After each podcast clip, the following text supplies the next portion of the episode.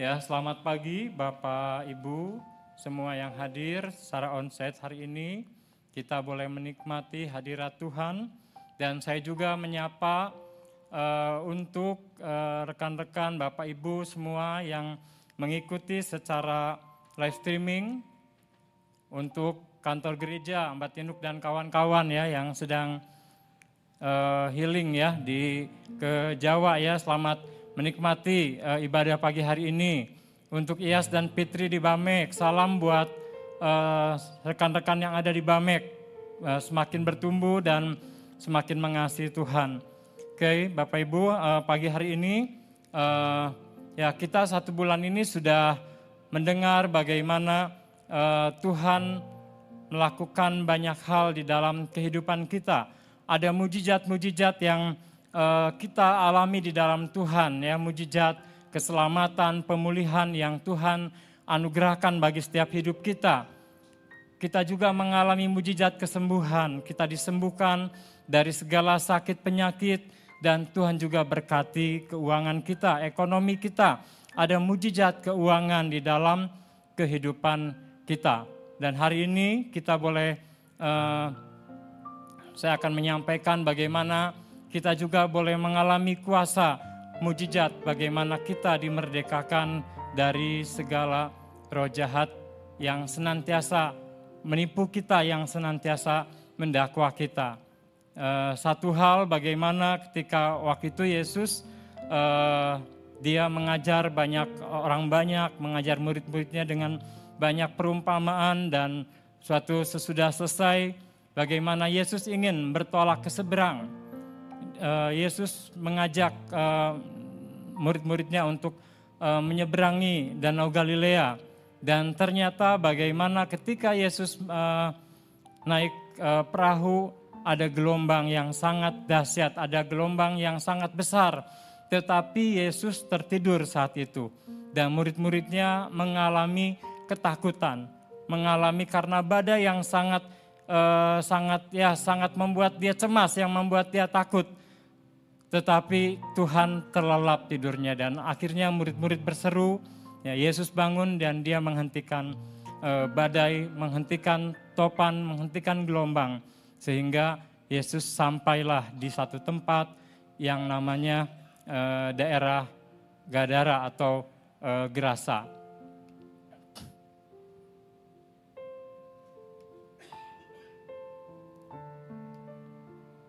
uh,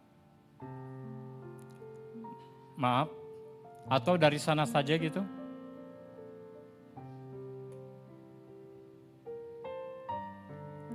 Ya, saya akan bacakan dari Markus 5 ayat 1 sampai 20. Yesus mengusir roh jahat dari orang Gerasa. Lalu sampailah mereka di seberang danau di, di daerah orang Gerasa. Baru saja Yesus turun dari perahu, datanglah seorang yang kerasukan roh jahat dari pekuburan menemui dia. Orang itu diam di sana, tidak ada seorang pun lagi yang sanggup mengikatnya, sekalipun dengan rantai. Karena sudah sering ia dibelenggu dan dirantai, tetapi rantainya diputuskannya dan belenggunya dimusnahkannya, sehingga tidak ada seorang pun yang cukup kuat untuk menjinakannya. Siang malam ia berkeliaran di pekuburan dan di bukit-bukit sambil berteriak-teriak dan memukul dirinya dengan batu. Ya, Yesus bagaimana uh, dia melayani banyak orang, tetapi bagaimana hatinya, bagaimana Yesus melihat ada satu jiwa yang membutuhkan pertolongan, yang membutuhkan kehadirannya. Makanya Yesus menyeberang uh, danau dan itu satu hal bagaimana uh, roh jahat tahu bagaimana Yesus akan datang dan uh, ya ya meniupkan angin gelombang. Ya begitu juga dengan waktu saya melayani Tuhan, waktu saya uh, pergi uh, ke satu daerah baik itu uh, waktu ke Bamek ya, waktu ke uh, Ngarak, ada hal-hal bagaimana uh, roh jahat tidak senang dengan uh, kedatangan kita.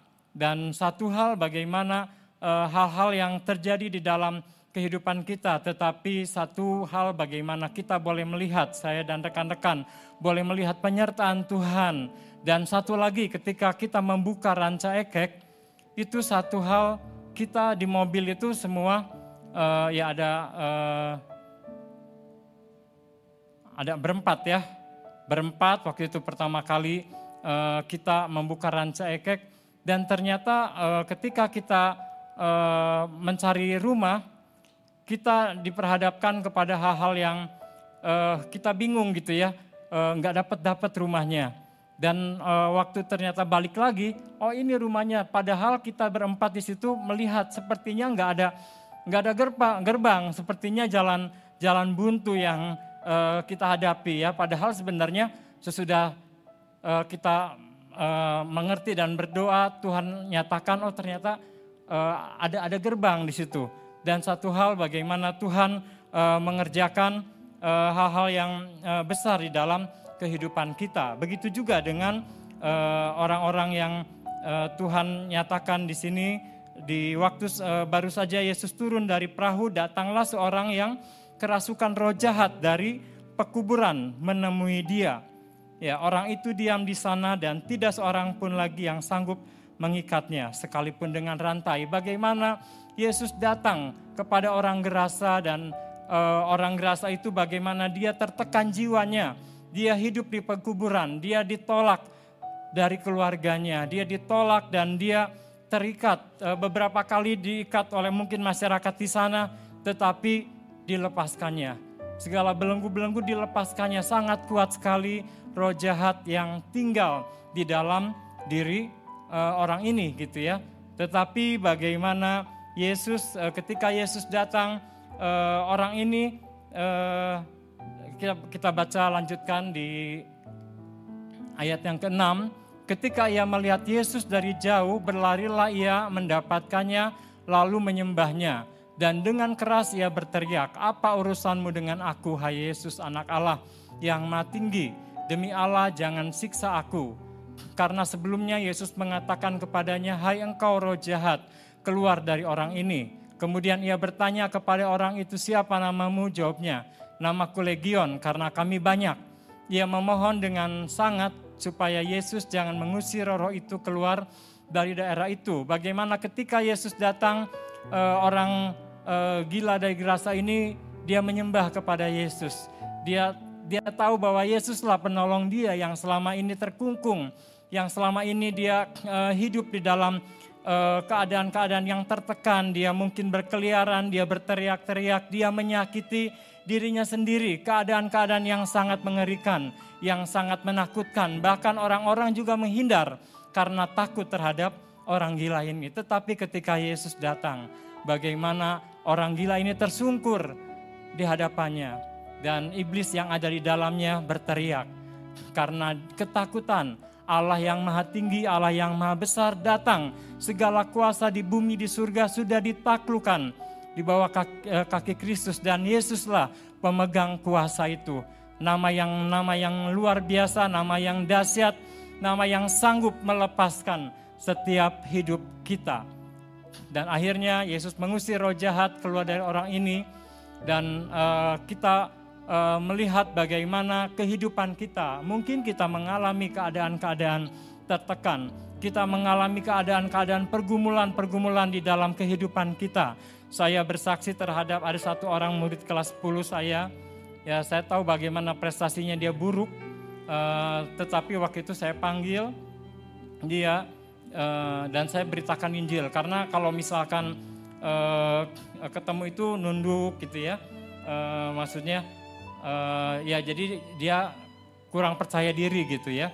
Uh, tetapi waktu saya waktu saya uh, injili dia dan dia bertobat ya saya bilang kamu harus percaya, kamu harus semangat bagaimana uh, sekarang Yesus ada dalam hatimu, bagaimana kamu harus bisa uh, bangkit dari segala keadaan-keadaan prestasi yang buruk ini.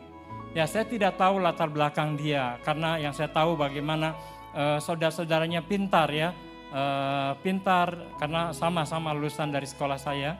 Uh, dan tapi satu hal bagaimana dia sangat berbeda dengan saudara-saudaranya. Tetapi bagaimana ketika dia percaya bahwa Yesus dalam hatinya, memang tidak banyak mujizat yang terjadi dalam hidupnya. Tetapi bagaimana dia ada semangat, ada yang bangkit ketika papasan dengan saya selalu bilang, selamat pagi Pak, selamat siang Pak. Jadi selalu menyapa saya. Dan saya tahu bagaimana ya prestasinya juga ya bersyukur dia naik kelas gitu ya. Uh, dan satu hal itu uh, yang melihat bagaimana tekanan-tekanan yang membuat orang-orang ya mungkin kita juga mengalami keadaan-keadaan ketika iblis menipu kita, ketika iblis mendakwa kita, ketika kita memberi celah kepada iblis, maka iblis memiliki kesempatan untuk uh, mendakwa kita dan kita boleh melihat bagaimana hanya pertolongan Tuhan sajalah yang sanggup membebaskan dan melepaskan kita dari segala tekanan-tekanan dan dosa. Nah di terus ayat ada adalah di sana di lereng bukit sejumlah besar babi sedang mencari makan. Lalu Roro itu meminta kepadanya katanya suruhlah kami pindah ke dalam babi-babi itu biarkanlah kami memasukinya. Yesus mengabulkan permintaan mereka lalu keluarlah roh jahat itu dan memasuki babi-babi itu kawanan babi yang kira-kira 2000 jumlahnya itu terjun dari tepi jurang ke dalam danau dan mati lemas di dalamnya. Maka larilah penjaga-penjaga babi itu dan menceritakan hal itu di kota eh, dan di kampung-kampung sekitarnya. Lalu keluar orang untuk melihat apa yang terjadi. Mereka datang kepada Yesus dan melihat orang yang kerasukan itu duduk. Sudah berpakaian dan sudah waras. Orang yang tadinya kerasukan legion itu maka takutlah mereka. Ya, bagaimana roh-roh jahat yang sangat banyak legion gitu, sangat banyak uh, yang ada merasuk di dalam uh, diri orang gila ini, orang gerasa ini. Bagaimana ketika Yesus mengusir, maka dia ketakutan dan dia minta untuk dia uh, masuk ke kawanan babi-babi. Ya, akhirnya uh, mereka masuk ke babi-babi roh jahat, ada 2000 babi dan akhirnya babi-babi itu akan uh, masuk ke jurang dan semuanya semuanya uh, mati ya. Ya uh, kalau kita perhatikan ya satu babi ya saya uh, mungkin sini Dani ya perbabian sih ya. uh, ya saya search juga satu babi itu uh, satu babi itu yang anak babi itu sekitar satu juta ya. Kalau ada 2000 babi ya uh, 2 miliar gitu ya. Apalagi kalau udah bapaknya, ibunya gitu ya. Mungkin uh, berat badannya cukup uh, ini ya mungkin bisa sampai 4 atau sampai 5 juta. Ya tetapi bagaimana Yesus demi menyelamatkan satu orang, membebaskan satu orang. Jauh-jauh Yesus mendengarkan bagaimana ada hal-hal yang dia perlu bebaskan. Dia mau ambil, dia mau turun, dia mau menghargai setiap kita berharga di hadapan Tuhan. Tuhan tahu apa pun yang menjadi masalah kita, apa pun yang menjadi tekanan-tekanan hidup kita. Datanglah kepada Yesus, sembahlah Yesus dan Yesus akan membebaskan kita. Orang-orang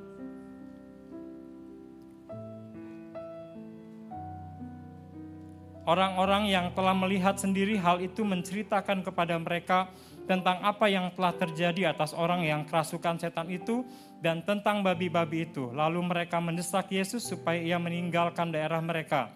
Pada waktu Yesus naik ke dalam perahu, orang yang tadinya uh, kerasukan setan itu meminta supaya ia diperkenankan menyertai dia.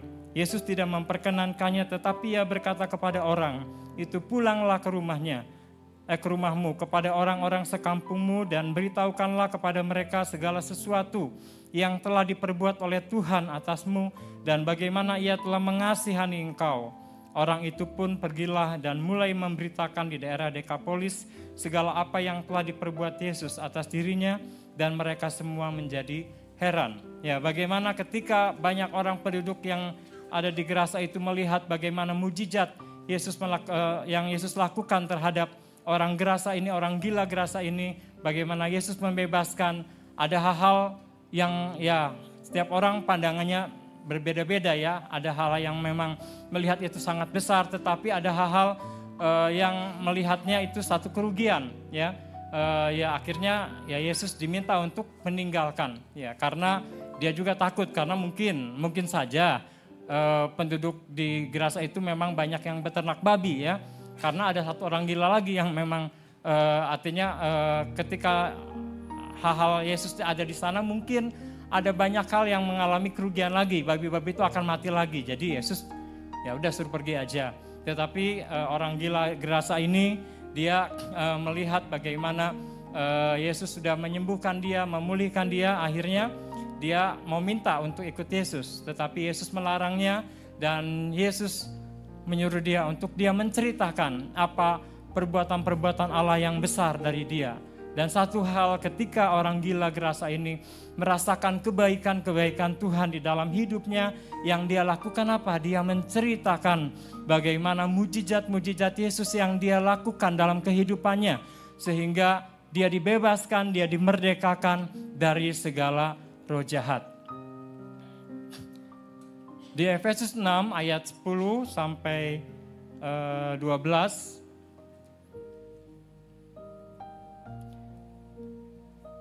Judulnya perlengkapan rohani.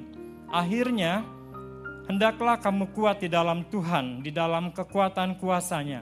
Kenakanlah seluruh perlengkapan senjata Allah, supaya kamu dapat bertahan melawan tipu muslihat iblis. Karena perjuangan kita bukanlah melawan darah dan daging, tetapi melawan pemerintah-pemerintah, melawan penguasa-penguasa, melawan penghulu-penghulu dunia yang gelap itu, melawan roh jahat di udara. Ya, bagaimana uh, kita Tuhan uh, katakan hendaklah kamu kuat di dalam Tuhan. Ya, hendaklah kita kuat di dalam Tuhan, di dalam kekuatan kuasanya. Ya, Tuhan mau kita mengalami kehidupan yang senantiasa kuat sebagai pahlawan-pahlawan, sebagai tentara-tentara Kristus yang senantiasa berperang di dalam kehidupannya ya.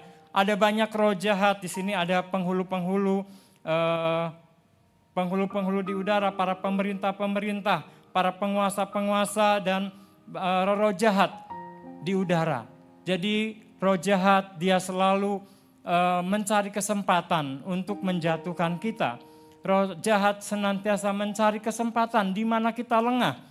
Ketika kita memberi celah, mungkin anak-anak mengalami keadaan-keadaan di mana uh, hidup apa namanya bukan hanya anak-anak saja ya tetapi orang dewasa pun mungkin dengan gadgetnya ya dengan eh, hal-hal yang dikerjakannya ada hal-hal hal-hal yang positif dan ada hal-hal yang mungkin negatif dikerjakan dan Tuhan mau bagaimana kita senantiasa menjaga hati kita untuk kita senantiasa waspada dengan hidup kita ya kita bisa melakukan banyak hal ya. Dengan handphone kita kita bisa menjelajah hal-hal buruk, hal-hal yang baik kita bisa kerjakan. Tetapi Tuhan memberikan kepada kita kuasa untuk kita boleh memilih, kita kuat di dalam Tuhan.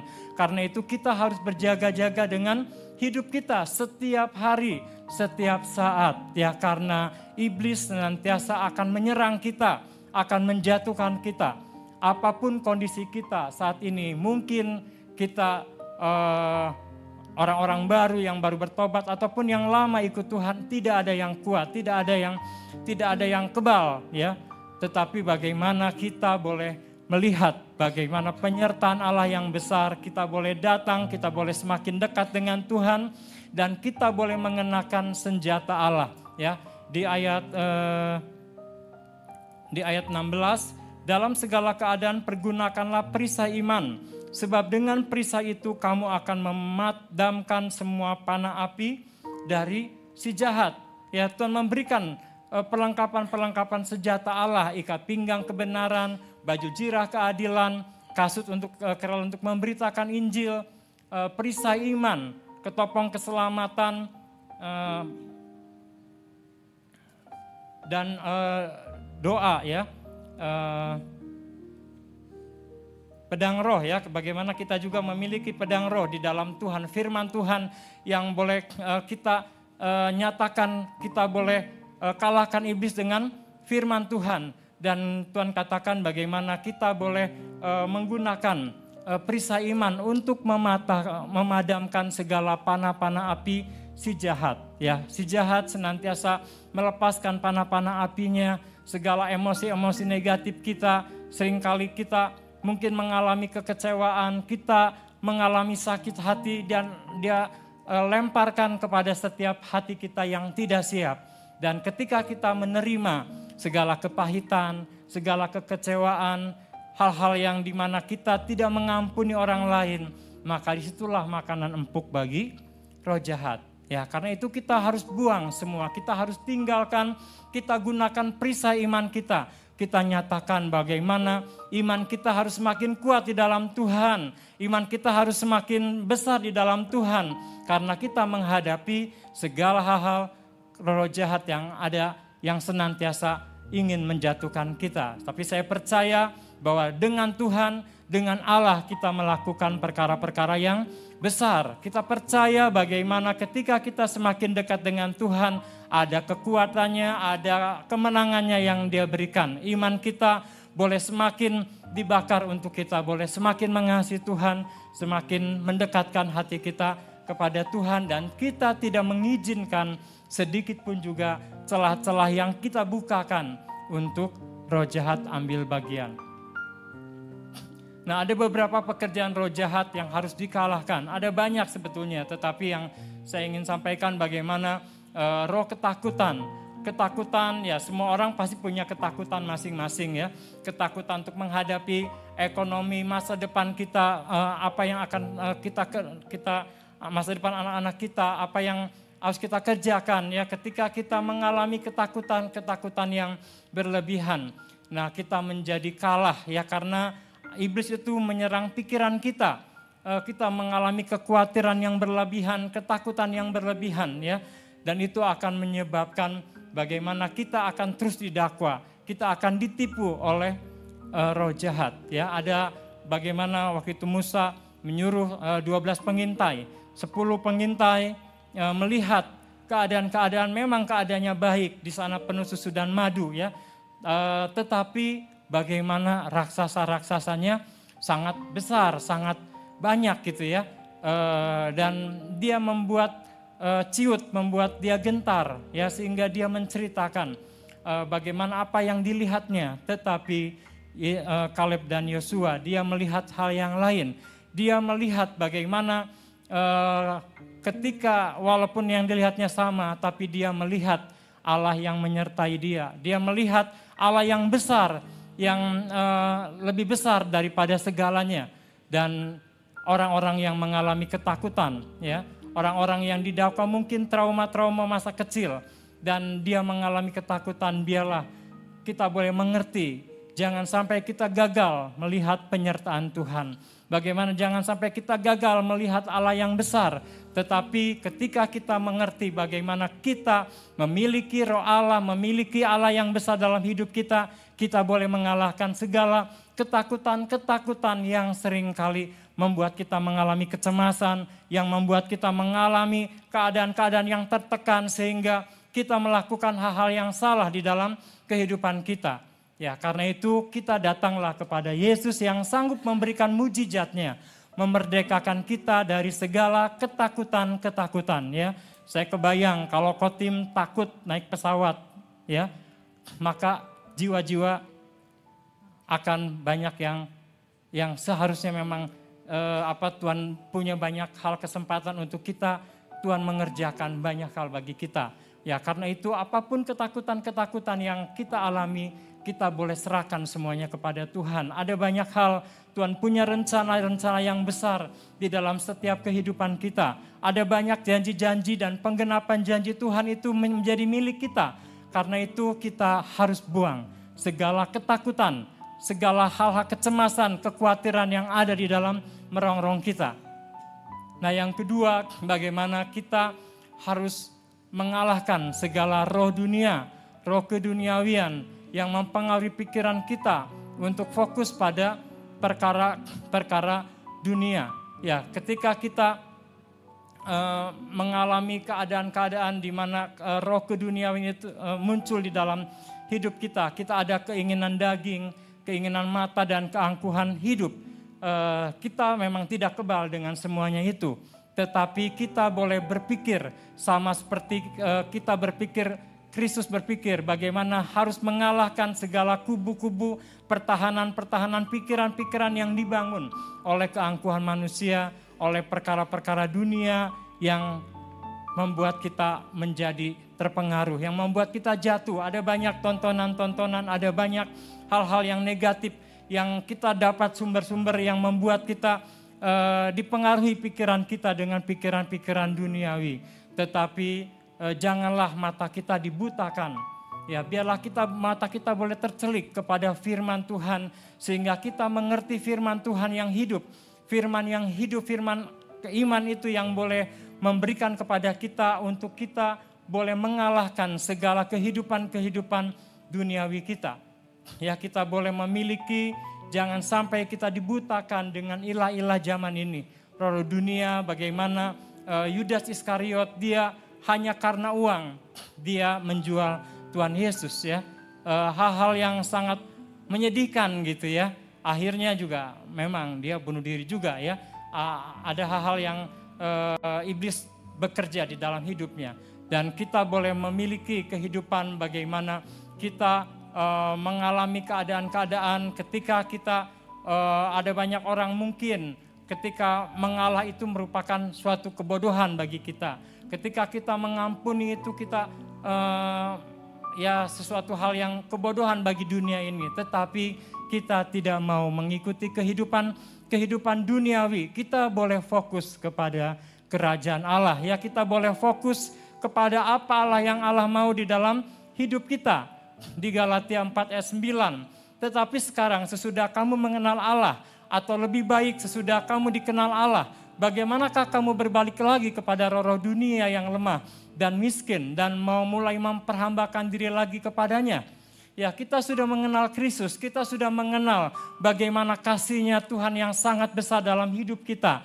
Masakan kita mau kembali, masakan mau hidup kita dirongrong dengan hal-hal duniawi yang menjatuhkan kita, yang membuat kita mengalami keadaan-keadaan yang lemah, yang membuat kita mengalami keadaan-keadaan yang miskin secara rohani tapi bangkitlah kita menjadi pahlawan-pahlawannya Tuhan yang boleh mengalahkan segala roh duniawi ini dengan roh Kristus yang ada di dalam hidup kita. Roh Allah yang Tuhan berikan itu menuntun kita. Karena itu kita belajar untuk kita boleh menyatakan apa yang menjadi kekurangan kita, kita tahu apa yang menjadi eh, hal-hal uh, uh, yang membuat kita jatuh, kita tahu.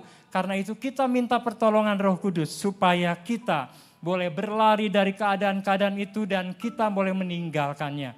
Dan itu semua tentunya pilihan kita. Apakah kita mau apakah kita mau dikuasai oleh roh duniawi yang membuat kita miskin dan lemah ataukah kita mau menghancurkan segala roh duniawi di dalam hidup kita. Kita boleh kejar apa yang Tuhan sediakan di dalam hidup kita. Ada banyak perkara-perkara rohani, perkara-perkara ajaib yang Tuhan sediakan bagi kita karena itu semakin dekatlah dengan Tuhan, kejarlah banyak hal oleh karena firman-Nya yang memerdekakan hidup kita.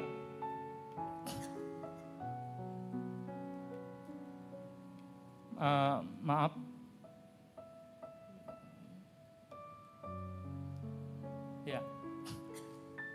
Uh, yang yang tiga ini roh kesombongan. Kesombongan menyerang orang-orang yang memang merasa hebat yang merasa bisa, yang merasa paling benar. Ya sehingga dia tidak uh, ya sebentar ya. Aha, tadi sudah time uh, keeper ya. Uh, bagaimana roh kesombongan uh, itu akan akan menyerang orang-orang yang merasa uh, hebat, yang merasa pintar, yang merasa dirinya cerdas sehingga dia tidak mengandalkan Tuhan. Dia tidak uh, tidak ya tidak berjaga-jaga dengan hidupnya sehingga uh, dia hal-hal uh, yang hal-hal yang Tuhan kerjakan di dalam setiap hidup kita. Ya kita harus waspada dengan hidup kita. Bagaimana roh kesombongan itu senantiasa menyerang, menyerang kita. Ya, karena itu di 1 Petrus 5 ayat 6, karena itu rendahkanlah dirimu di bawah tangan Tuhan yang kuat supaya kamu ditinggikan pada waktunya. Ya, semua Tuhan sediakan dalam kehidupan kita. Promosi Tuhan sediakan dalam hidup kita. Berkat-berkat Tuhan sediakan dalam hidup kita. Karena itu rendahkanlah dirimu di hadapan Tuhan yang kuat. Dan Tuhan akan angkat kita. Karena itu carilah hidup di dalam Tuhan. Bagaimana kita boleh mengalami kehidupan di mana kita Tuhan ajar untuk kita rendah hati dan menaklukkan segala roh kesombongan. Ada banyak roh, -roh jahat yang akan menyerang, e, menghancurkan hidup kita. Entahkah keminderan, entahkah hal-hal e, percabulan ataupun hal-hal yang lain ya. Tetapi satu perkara bagaimana kita boleh dimerdekakan e, oleh firman-Nya. Di Yohanes 8 ayat 32, dan kamu akan mengetahui kebenaran dan kebenaran itu akan memerdekakan kamu. Hanya kebenaran firman Tuhanlah yang memerdekakan kita. Hanya kebenaran firmanlah Tuhanlah yang akan melepaskan kita. Tidak ada yang lain. Karena itu kita boleh membaca firman, kita boleh merenungkan firman Tuhan. Kita boleh semakin e, menggali apa yang Tuhan inginkan di dalam hidup kita. Sehingga kita boleh mengalami kemenangan-kemenangan atas setiap roh jahat yang hendak mengganggu hidup kita. Di 1 Yohanes 4 ayat 4, kamu berasal dari Allah anak-anakku dan kamu telah mengalahkan nabi-nabi palsu itu. Sebab roh yang ada di dalam kamu lebih besar daripada roh yang ada di dalam dunia. Nabi-nabi palsu roh-roh dunia saat ini sedang bekerja. Ada banyak hal pengajaran-pengajaran yang uh, yang selalu ya ada hal-hal mungkin teologi kemakmuran ataupun Eh, hal-hal uh, apa uh, yang mengikat remaja LGBTQ gitu ya, uh, itu akan uh, akan menghancurkan anak-anak muda. Baiklah kita sebagai orang-orang dewasa, orang-orang yang orang-orang tua, kita boleh mengajarkan kebenaran-kebenaran kepada anak-anak kita supaya dengan roh Allah kita percaya bahwa roh Allah yang ada di dalam hidup kita itu lebih besar daripada roh-roh yang ada di dunia ini roh Tuhan senantiasa mm, eh, bekerja di dalam hidup kita. Karena itu kita boleh mengaktifkan roh Tuhan yang ada di dalam hidup kita. Kita boleh bekerja sama dengan roh eh, dengan roh Tuhan untuk menghancurkan segala kuasa-kuasa kegelapan. Ya, murid Tuhan Yesus diberi kuasa oleh Tuhan Yesus di Matius 10 ayat 1 Yesus memanggil kedua eh, belas muridnya dan memberi kuasa kepada mereka untuk mengusir roh jahat dan untuk melenyapkan segala penyakit dan segala kelemahan. Kunci kerajaan surga Tuhan sudah ada pada Tuhan dan Tuhan berikan kepada kita. Kitalah yang memegang kunci itu. Kita orang-orang yang uh, memiliki kuasa untuk kita boleh menghancurkan segala pekerjaan-pekerjaan iblis uh, yang menghancurkan pekerjaan-pekerjaan roh jahat di bangsa ini, di kota ini, di keluarga ini, di tempat-tempat yang akan kita jangkau. Kita boleh menghancurkan segala pekerjaan-pekerjaan roh jahat dan kita boleh menggunakan kitalah orang-orang yang dipakai Tuhan untuk melepaskan orang-orang yang terikat. Kitalah orang-orang yang dipakai Tuhan untuk melepaskan orang-orang yang teraniaya, yang miskin uh, dengan keadaan-keadaannya yang dialami setiap hari di dalam keadaan tekanan-tekanan ada banyak orang, ada banyak keluarga-keluarga yang di ujung perceraian karena mereka uh, mungkin dihantui dengan hal-hal uh, perselingkuhan dan yang membuat perceraian-perceraian. Itu menjadi tugas-tugas kita. Itu menjadi uh, Tuhan memberikan kepada kita kuasa untuk kita boleh mengerjakan dan melayaninya dan membebaskan orang-orang yang uh, terikat. Di Matius 11 ayat 28 dan 29 Marilah kepadaku semua yang letih lesu dan berbeban berat, aku akan memberikan kelegaan kepadamu. Pikulah kuk yang kupasang dan belajarlah padaku, karena aku lemah lembut dan rendah hati, dan jiwamu akan mendapat ketenangan.